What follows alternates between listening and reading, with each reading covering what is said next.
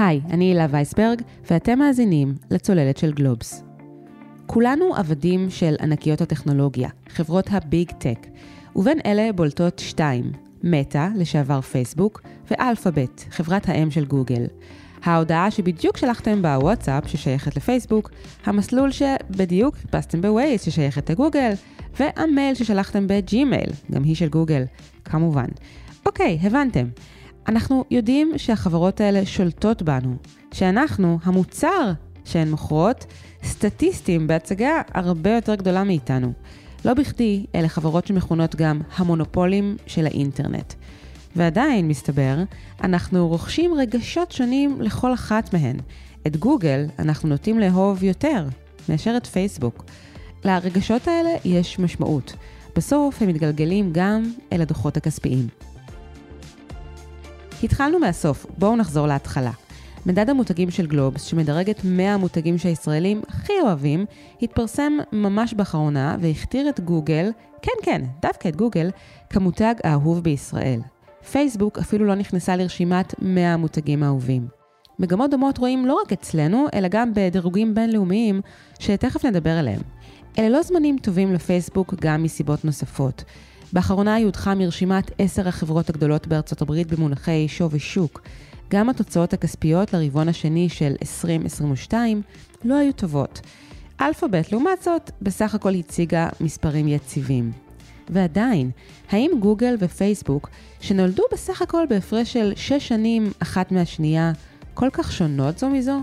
ועד כמה סיפורי הילדות שלהן, זאת אומרת איך בדיוק נוסדו ומה היה האתוס שליווה אותן מאז, יכולים להסביר את המקום שאליו הגיעו היום. היום נדבר על זה עם כתב ההייטק של גלובס אופיר דור, ועם כתב הטכנולוגיה נבות רבלסי, שכתבו באחרונה כתבה נרחבת בנושא עבור מדד המותגים ומגזין G של גלובס. היי אופיר, היי נבו. היי. היי. בואו נתחיל מההיסטוריה. סיפורי ההקמה של גוגל ופייסבוק, מהם המכנים המשותפים שאפשר למצוא ביניהם, ומהן נקודות השוני. אז גוגל ופייסבוק, החברות שמחלקות את האינטרנט, ועוד יותר אה, מחלקות את אה, שוק הפרסום באינטרנט, הן דווקא חברות עם אה, היסטוריה דומה בהרבה דברים. שתיהן נולדו בקמפוסים של אוניברסיטאות יוקרה בארצות הברית, אוניברסיטאות עילית בארצות הברית. סטנפורד במקרה של גוגל והרווארד במקרה של פייסבוק. נכון, גוגל באמת התחילה כאיזשהו פרויקט מחקר של לארי פייג' וסרגי ברין, שהם היו בדוקטורט שלהם בסטנפורד, והם חקרו את עולם החיפוש באינטרנט. ופייסבוק הוקמה על ידי מרק צוקרברג והשותפים שלו במעונות באוניברסיטת הרווארד, הוא היה בתואר ראשון אז. בשני המקרים, דרך אגב, המייסדים אה, עזבו את הלימודים אה, לפני הסיום כדי לקדם את הסטארט-אפ. אוקיי. Okay. אז אה, נבו תרצה להוסיף עוד ככה קצת על סיפור ההקמה של פייסבוק, שמי שלא בקיא בו, יכול לצפות uh, בסרט המצוין uh, The Social Network, שמסרטט אותו כנראה בצורה די uh, נאמנה. זהו, ובאמת רגע לפני שאנחנו התחלנו להקליט את הפרק הזה, דיברנו עד כמה באמת הסרט הזה עושה עדיין נזקים לצוקרברג באיזשהו מקום. Do you see any of your code on Facebook? Sorry, could Mark. you? Did I use any of your code? You stole our whole goddamn idea. Fellas, you know, you really don't need a forensics team to get to the bottom of this. If you guys were the inventors of Facebook, you'd have invented Facebook. I can't wait to stand over your shoulder and watch you write us a check. No shit. מה שבעיקר מעניין בכל הסיפור הזה, זה אולי להתחיל לצייר לנו יותר איך פייסבוק נראית ביחס לאחרות, איך הסיפור שם הוא לא רק סיפור של הקמת סטארט-אפ וגיוס כספים, אלא באמת קצת יותר נקרא לזה תככים, מזימות, אפשר לקרוא לזה סרט דרמה באמת. עכשיו, מכנה משותף מאוד מאוד מובהק שמלווה את שתי החברות כבר מראשיתן, הוא המודל העסקי שלהן, ואולי זה לא מפתיע, לאור העובדה שמי שהייתה לאורך המון שנים יד ימינו של מרק צוקרברג, סמנכ"לית התפעול שריל סנדברג, התחילה בכלל בגוגל והביאה את התורה לפייסבוק. באמת אפשר לומר שאחת האדריכליות המרכזיות uh, של שוק הפרסום המקוון וכל התחום הזה ממש, זה באמת uh, שריל סנדברג, uh, אז בזמנו הייתה בגוגל. בנתה שם את המודל הזה כמו שאנחנו מכירים, ואז ב-2008 עברה לפייסבוק גם בתחילת דרכה של פייסבוק, היא רשת חברתית. The role I play is, you know, Mark focuses on building the product, and I run the business functions of the company. מהו המודל העסקי ככה במילים ספורות? שתי החברות האלה בסופו של דבר מה שהן עושות זה אנחנו קוראים להם אה, אולי רשתות חברתיות או אתרי אינטרנט, בסוף הן חברות פרסום. הן יודעות לקחת את המידע של המשתמשים, אנחנו המוצר כמו שאנחנו מכירים את המשפט הזה, ולא למכור את המידע שלנו לחברות אחרות, אלא בעצם להציע חבילות פרסום למפרסמים. זאת אומרת, פייסבוק יודעת לבוא לאותן חברות ולהגיד, אני יודעת לטרגט לאותם uh, משתמשים צעירים שהם בדיוק מתחתנים באותה תקופה של השנה, או מזהים בעצם את דפוס ההתנהגות שמצביע על הדבר הזה, ולטרגט ממש מוצרים רלוונטיים להם. גם ככה גוגל עושה את זה, גוגל הרי אוספת עלינו מידע, אנחנו משתמשים גם במנוע חיפוש, גם ביוטיוב, גם בג'ימל שלהם, אנחנו משתמשים בהמון כלים שלהם, וגוגל יודעת כבר להתאים את הפרסומות ואת התכנים אלינו. אוקיי, okay, אבל בואו נחזור uh, בכל זאת אחורה באמת אל הימים התמימים יותר, למשל, אחד הסלוגנים שהכי היו מזוהים עם uh, גוגל הוא Don't be evil. אז מה הסיפור שעומד מאחוריו, ואילו סלוגנים היו אולי גם לפייסבוק בימי הראשונים? אז סיפור של Don't be evil זה באמת סיפור מהימים הראשונים של גוגל בתור סטארט-אפ קטן. זה התחיל עוד לפני עידן הפרסומות, עוד לפני שגוגל התפרנסה מפרסומות, היא הייתה מתפרנסת מלבוא לאתרים, לאתרי תוכן ולאנדקס להם את כל המידע. זאת אומרת שאנשים יוכלו להיכנס לאתר של, לדוגמה, וושינגטון פוסט ולחפש להם כתבות.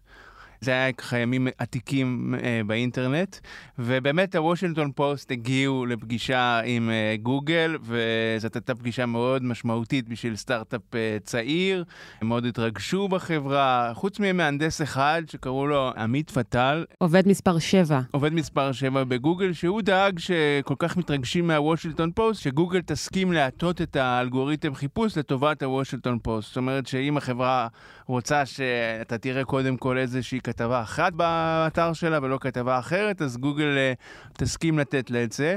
אז הוא נכנס uh, לפני הישיבה לחדר ישיבות וכתב שם בקטן Don't be evil, ככה שלפני הישיבה הזאת, וזה הפך להיות הסלוגן של גוגל, וזה אפילו היה המשפט הראשון בקוד האתי שלה במשך הרבה שנים.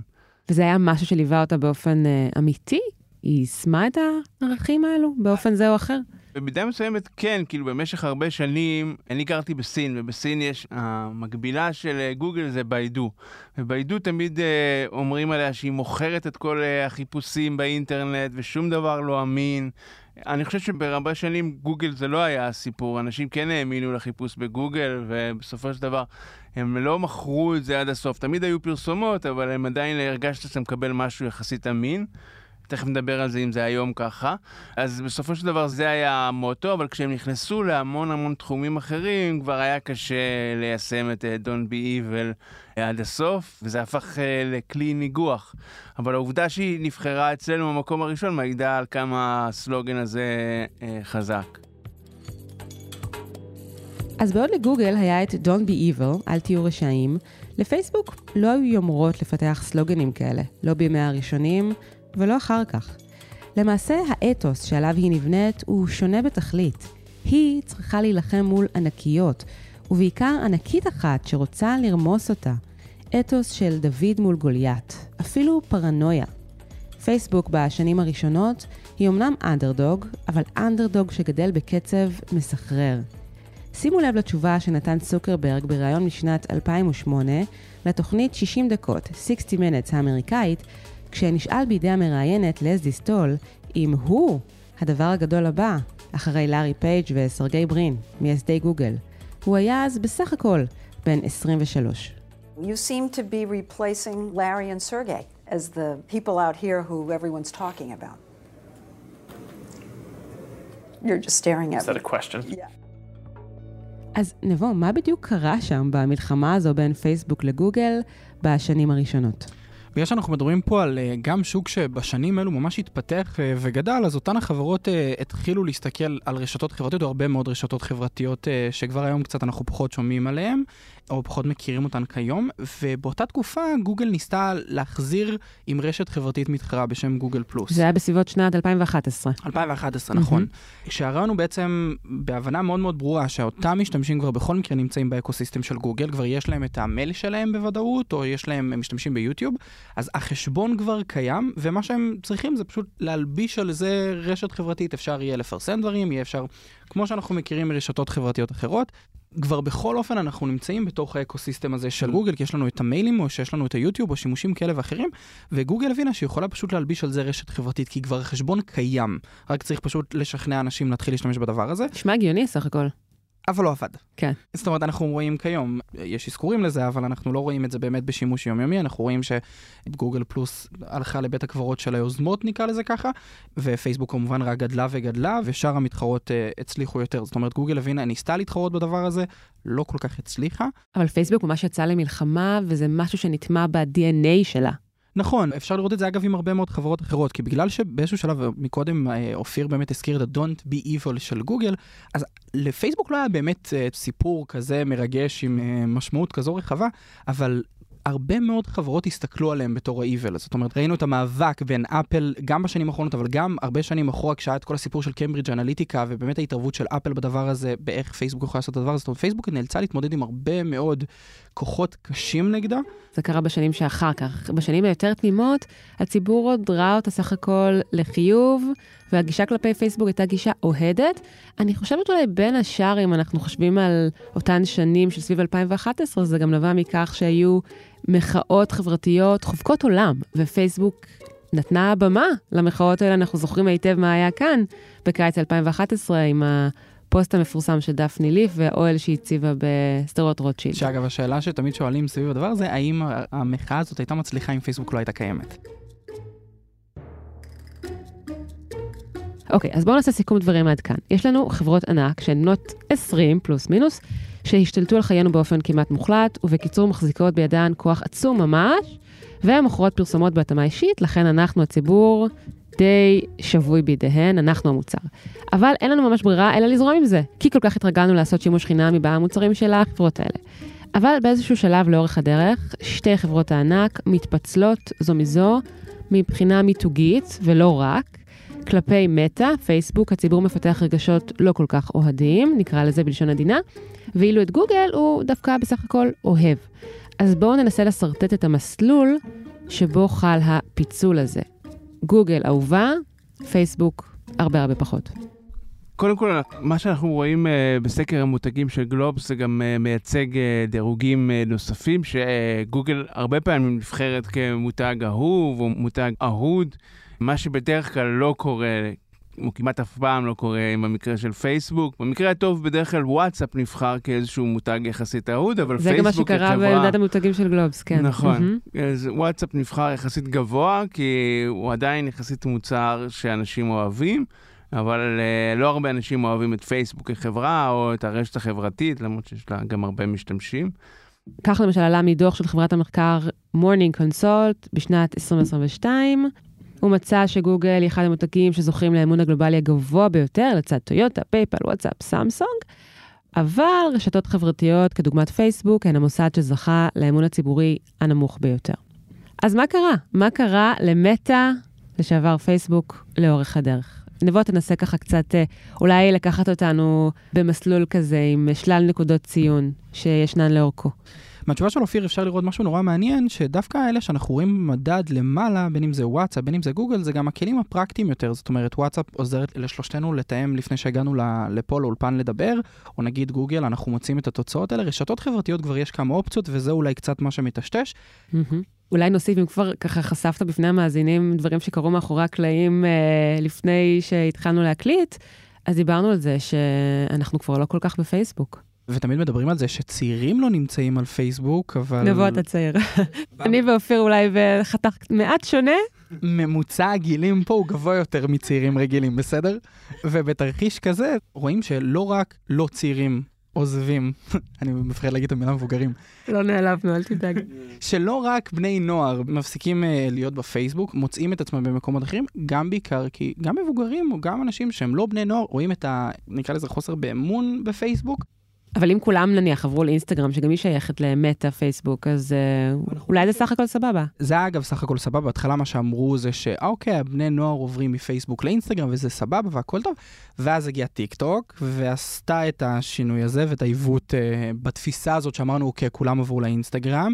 ואז uh, משימוש רק בטיק טוק פתאום ראינו שעדיין זה לא עונה על אותם מבוגרים שלא נמצאים באמת בפייסבוק יותר. אז כן יש פה משהו לגבי מטה, לגבי פייסבוק ממש. זאת אומרת, mm-hmm. זה לא רק... עניין של גיל ובאיזה רשת חברתית אנחנו נמצאים. ובכל זאת, היא גם הסתבכה לא מעט בשנים האחרונות, אז בואו נדבר על זה.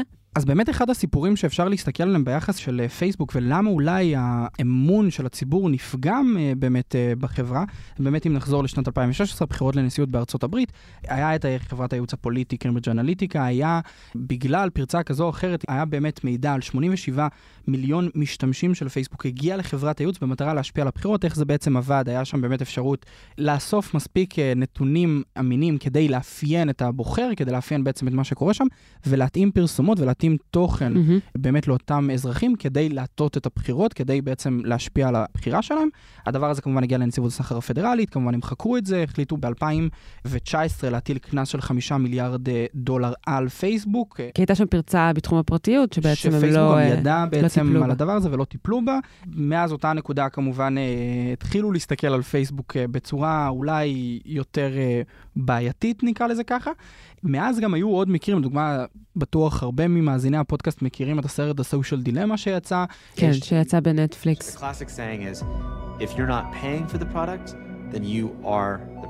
וממש מציג את היחס... כל המניפולציות שעושים עלינו. שזה קצת משעשע, כי גם נטפליקס בעצמה אולי עושה את הדבר הזה, אבל ברמה העקרונית, ממש בפעם הראשונה מנסים לא להנגיש בעזרת כתבות או בעזרת חוקרים אקדמאים, אלא ממש להנגיש לצרכן מה קורה כשמשתמשים באותן רשתות חברתיות, וגם זה לא תרם למטה בכלל. כמובן שמטה כיכבה מבחינת אה, אפיון הסרטון הזה, פחות נגיד ראינו את גוגל שם. כן, המרואיינים היו, אם אני זוכרת נכון, אה, בעיקר עובדים לשעבר של אה, פייסבוק, שחשפו את השיטה. שחשפו את השיטה. ואם כל זה לא מספיק, ואז... לפני כשנה התפוצצה סדרת תחקירים מעוררת הדים של וול סטריט ג'ורנל, שהתבססה בעצם על מסמכים שהדליפה עובדת לשעבר בפייסבוק, פרנסיס האוגן. hateful, polarizing content. It erodes our civic trust, it erodes our faith in each other, it erodes our ability to want to care for each other. The version of Facebook that exists today is tearing our societies apart and causing ethnic violence around the world. מה שקרה שם זה היה טלטלה של ממש. כאן יהיה הכי מדויק לקרוא לחברה פייסבוק, כי כשהחברה עוד הייתה פייסבוק, בעצם פרנסיס האוגן, כמי שהייתה בצוות היושרה בתקופת הבחירות של uh, פייסבוק, באמת אספה מסמכים בשלב שהיא מבינה שפייסבוק לא עושה מספיק כדי להגן מטעם הבחירות, היא טענה המון דברים. אספה המון מסמכים, הגישה את המסמכים האלה בעצם לרשות ניירות הערך האמריקאית. בין היתר זה הגיע גם לקונגרס, זה הגיע לאותה סדרת תחקירים, אותה סדרת כתבות בוול סטריט ג'ורנל, שבעצם במילים אחרות, בשורה התחתונה, המסמכים טוענים שפייסבוק העדיפה למקסם רווחים מאשר להגן על בטיחות המשתמשים. זה הפרק הכי זכור אה, מסדרת הכתבות היה על איך פייסבוק גילתה שוב ושוב ושוב שאינסטגרם למעשה פוגעת בבני נוער, בעיקר בבנות נוער. לדוגמה שאינסטגרם עוזרת להם להדד דימוי גוף בעייתי. והיא לא עשתה שום דבר למרות uh, הדבר הזה. כמובן שפייסבוק הכחישה את כל הדברים האלה, ומאותה נקודה בעצם שפרנסיס אגוין עשתה את הדבר הזה, נכנסנו בעצם למין, נקרא לזה תהליך מיתוג מחדש, כמובן שפייסבוק אמרה שזה לא קשור לזה, וכמובן באותה תקופה אמרו, אנחנו לא נחליט החלטה כזאת בשבוע, שבועיים, אלא זה תהליך הרבה יותר ארוך, והחליטו לשנות את השם למטה, החליטו להציג את המטאוורס, את אותו עולם וירטואלי שאנחנו שמים משקפי מציאות מדומה ונכנסים ממש לעולם אחר, שזה בעצם המיקוד המרכזי החדש של החברה וכבר לא אותן רשתות חברתיות רגילות. ובאמת ראינו את פייסבוק מתחילה לנסות להשפיע על המוניטין שלה, גם בעזרת שינוי השם, גם בעזרת שינוי הכיוון, הפיבוט הגדול הזה, אה, ובעיקר להראות שאומנם מרק צוקרברג עומד בראש החברה, אבל לוקחים פה אחריות על האירוע הזה. אז ציינת לבוא את מרק צוקרברג. דיברנו עליו עוד מהימים שהוא כיכב באופן לא מחמיא, מה לעשות, בסרט ששרטט את uh, ההשתלשלות של פייסבוק, הרשת החברתית, ואולי גם זו אחת הסיבות לכך שיש פער בדימוי בין גוגל לפייסבוק, שבשנים האחרונות מובלת בידי מנכ"ל קצת אפרורי, שלא מעורר יותר מדי רעש, סונדר פיצ'אי. I feel fortunate our mission is timeless. Uh... you know, there is more need to organize information than ever before. אז uh, אופיר, איך אתה רואה את ההבדלים בין המנכ"לים ועד כמה ההבדלים האלו משפיעים על הדימוי של החברות? אז קודם כל זה מאוד מאוד משמעותי. סונדר פיצ'אי הוא, הוא, הוא לא אפורי, הוא, הוא גם נחמד, הוא איש נחמד. הוא סוג של אה, טכנוקרט, נגיד, אה, היו אומרים עליו. הוא מנכ"ל שכיר שהוא מחליף את המייסדים של אה, גוגל, שהם טיפוסים, איך נאמר, גם כן קצת אנטי-סוציאליים וקצת יותר בעייתיים. סרגי ברין ולארי פייג'. והוא בן אדם חסר שערוריות, ובסך הכל נראה נחמד, אז הוא נותן פנים יפות לאלפאבית, לגוגל. לעומת זאת, אה, פייסבוק עדיין מובלת על ידי מרק צוקרברג, שמתעקש להישאר המנכ"ל, ואף אחד גם לא יכול להזיז אותו. בעצם זה המבנה של הבעלות בפייסבוק, שאי אפשר להזיז אותו, לא משנה מה הוא יעשה. ומרק צוקרברג התחיל את החברה בעצם בככה עם הרבה נפגעים של אנשים שחשבו שהוא שדד אותם וגנב להם את הרעיון וגנב להם את הזכויות בחברה. אז זו התחלה שמבשרת רעות גם ככה. וגם ראינו את צוקרברג מופיע בשנים האחרונות בכל מיני הזדמנויות בקונגרס ובסנאט האמריקאים, כאשר נערכו דיונים שעסקו בהיבטים בעייתיים שונים של פייסבוק, ואלה לא הופעות שהוציאו אותו כל כך טוב, בואו נאמר. We didn't take a broad enough view of our responsibility And that was a big mistake. And it was my mistake. And I'm sorry. זה למשל היה מתוך דיון בסנאט בשנת 2018. הוא לא עובר מסך טוב, וגם כשהוא מתנצל זה אף פעם לא נתפס כאמין במיוחד, וגם כשהוא מנסה לעשות דברים אה, נחמדים, אני יודע, לעשות אה, גלישת אה, גלים או כאלה דברים, תמיד נראה מנותק. ולשם היחצנות בלבד, לא משהו כן. שנתפס כאמין. ויחצנות גם לא טובה, כי הוא נראה כמו איזה מיליארדר משועמם כזה, ולא כאיזה מישהו אמין. אחרי התחקיר של הוול סטריט ג'ורנל הגיע לקונגרס, מנהל אינסטגרם אדם מוסרי בעצם היה צריך לענות על שאלות אה, של חברי הקונגרס. במקביל לזה, מרק צוקרברג מפרסם את אותה תמונה שהוא גולש והוא עושה את הדברים האלה. בקונגרס אמרו, שאלו את אדם מוסרי, בזמן שאתה יושב פה ואתה עונה על השאלות שלנו, המנכ"ל של חברת אם, פייסבוק, מתה עכשיו גולש. הזכרנו את אה, שריל סנדברג קודם לכן, והיא ממש באחרונה הודיעה על עזיבת פייסבוק, אחרי 14 שנה בתפקיד סמנכ"לית התפעול. במהלכה של התקופה הזו היא גם הפכה לכהנת העצמה נשית עם הספר המצליח שכתבה לין אין. אבל נראה שהעזיבה הזו של סנדברג מתרחשת בין השאר על רקע שלל השערוריות שבהן פייסבוק הסתבכה בשנים האחרונות, והיא בוודאי לא תורמת לתדמית של החברה. אם דיברנו מקודם ששרל סנדברג הייתה אדריכלית בשתי החברות האלה, באמת אה, במודל העסקי. וזה מודל עסקי שהיה תחת אש. והיה תחת אש והרוויח המון כסף, זאת אומרת הוא גם באמת עבד. אפשר לראות שבאמת בתקופה האחרונה, בשנה האחרונה, בשנתיים האחרונות, שוק הפרסום עובר טלטלה משמעותית.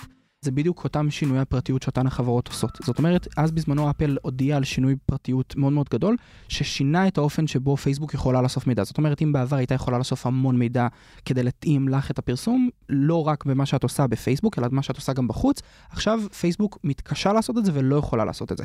ולמה זה חשוב?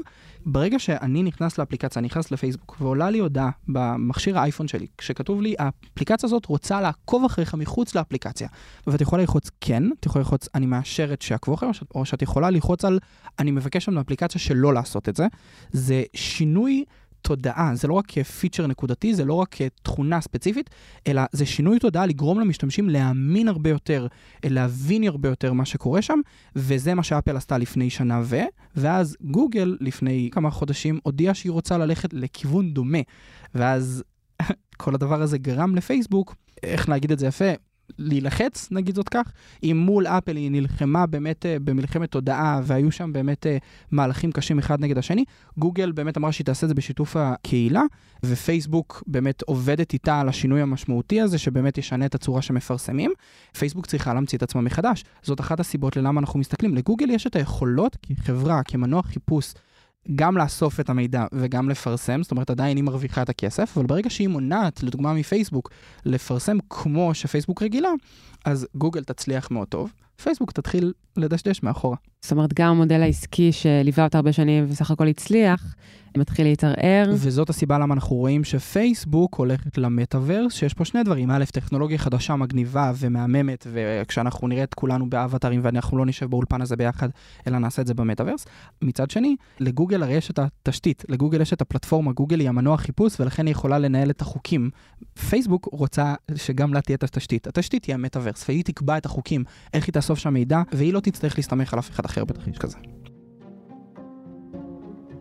הרבה פעמים משתמשים במילה רשע לצד uh, כאילו המונופולים הגדולים של האינטרנט, מילה קשה, אבל אם אנחנו בכל זאת רוצים לפנות רגע לציר הרשע, כי למשל בשנת 2020, המגזין סלייט חיבר את רשימת 30 חברות הטכנולוגיה המרושעות בעולם, ושם גוגל, אלפאבית, בהחלט הופיע למעשה היא דורגה שלישית, ולכן השאלה היא, האם זה בסך הכל עניין מיתוגי, ושתי החברות במרכאות רשעיות במידה דומה. הרבה יותר קל שכשיש אה, שימוש פרקטי לא, לאותו כלי, לדוגמה אם אנחנו מדברים על גוגל, גוגל מאפשרת לי, אמנם יש כאלה שיסתכלו על זה ככאלה אפליקציות ושאי אפשר לצאת החוצה, אבל גוגל מאפשרת לי להשתמש ביוטיוב, להשתמש בגוגל, אני יכול להעביר מיילים, אני מקבל עוד הרבה דברים מאשר לפרסם תמונה שלי או לפרסם פוסט או לפרסם סטורי, בפייסבוק אני אקבל כיף, בפייסבוק אני אתעדכן מה קורה עם חברים שלי, כל הדברים האלה בסופו של דבר זה רשת חברתית חשוב, צריך את הדבר הזה, טוב שיש את הדבר הזה, אבל בגוגל נקרא לזה יש יותר ערך בשימוש, בין אם זה המיילים כמו שאמרנו והסרטונים ביוטיוב וכן הלאה.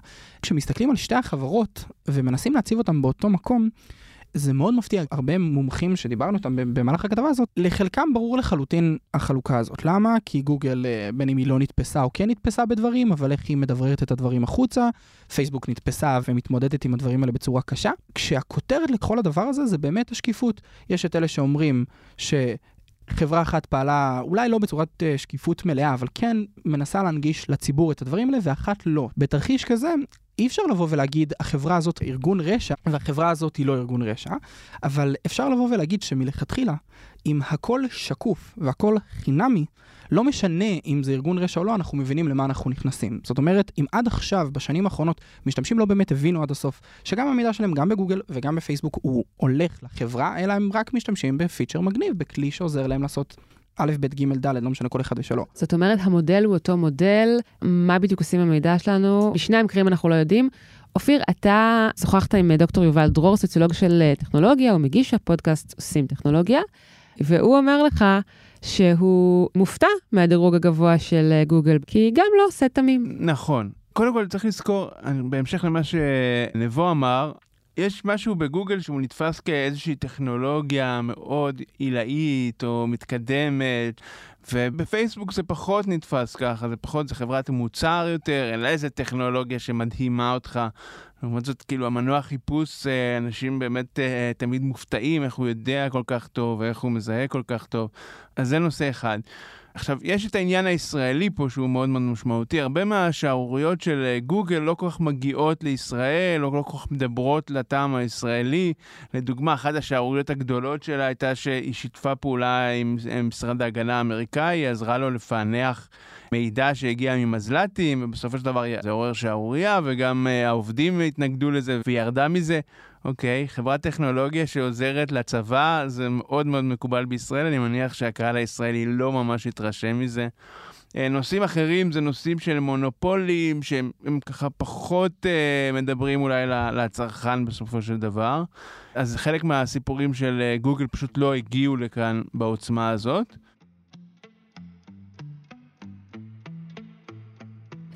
אז עכשיו בואו נדבר על השורה התחתונה, אוקיי? יש לנו פה פערים במיתוג, אבל אנחנו גם באמת רואים שמטא מציגה תוצאות עסקיות לא כל כך טובות, אפשר לומר אפילו בשנה החולפת. אז עד כמה אנחנו רואים uh, מתאם בין המיתוג גם לבין הביזנס. קודם כל, ברמה העקרונית, הדוחות הכספיים של כל ענקיות הטכנולוגיה בתקופה האחרונה, בטח ברבעון האחרון, מושפע לא רק אה, מהמיתוג הבעייתי, בין אם זה גוגל, בין אם זה פייסבוק, אלא באמת יש...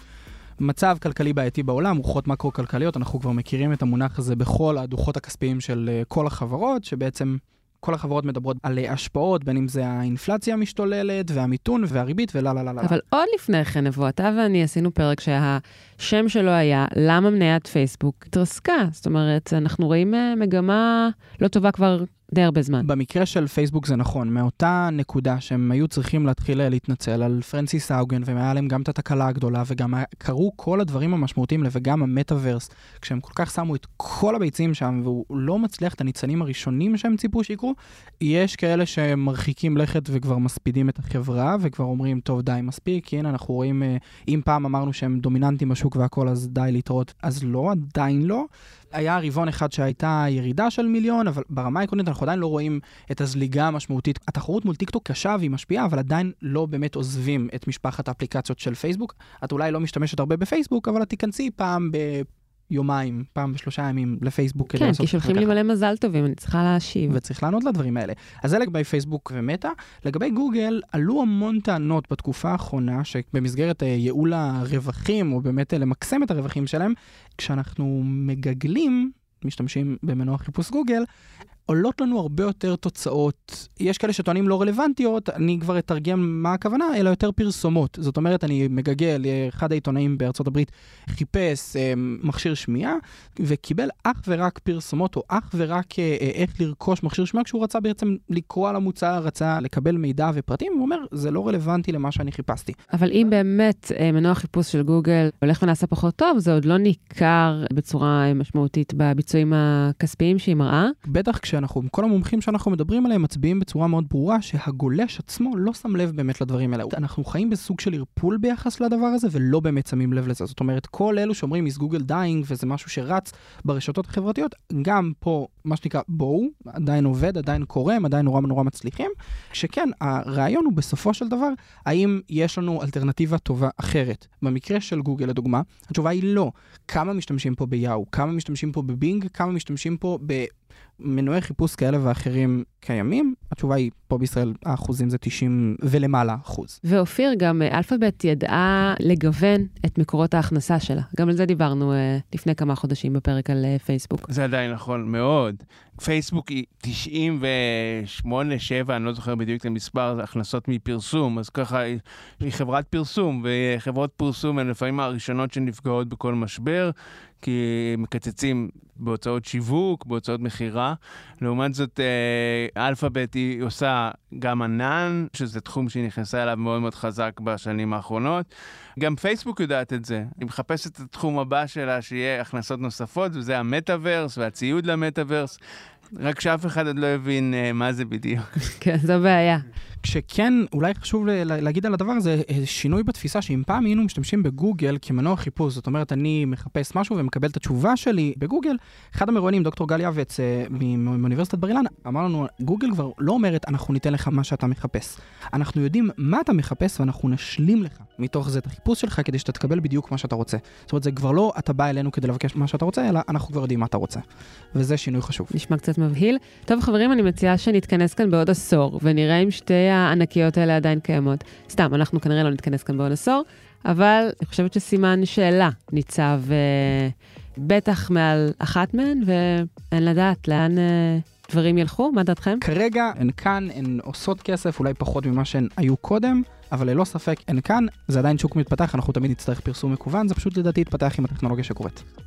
אני חושב שיש סיכוי ששתיהן יהיו עוד עשור. השאלה אם היא תהיה חברה מאוד משמעותית מהגדולות בעולם, וזה כנראה, גוגל יש לה יותר סיכוי מאשר uh, פייסבוק. אופיר דור, נבות טרבסי, תודה רבה. תודה. תודה. עד כאן עוד פרק של הצוללת. אתם יכולים למצוא אותנו באתר גלובס, בספוטיפיי, או בכל אפליקציית פודקאסטים. נשמח אם תעשו לנו subscribe, ואם אהבתם, שילחו את הפרק לחברה או חבר שאתם אוהבים. עורך הסאונד הוא ניר לייסט, בצוות הצוללת חבר גם אורי פסובסקי.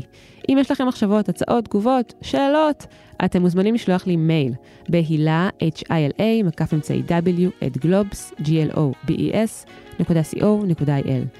עכשיו מצחיק להגיד את זה, אבל אפשר למצוא אותי ואת שאר חברי הצוללת גם בפייסבוק ובטוויטר. תודה לכולכם שהאזנתם. אני הילה וייסברג, נתראה בפעם הבאה. ביי ביי.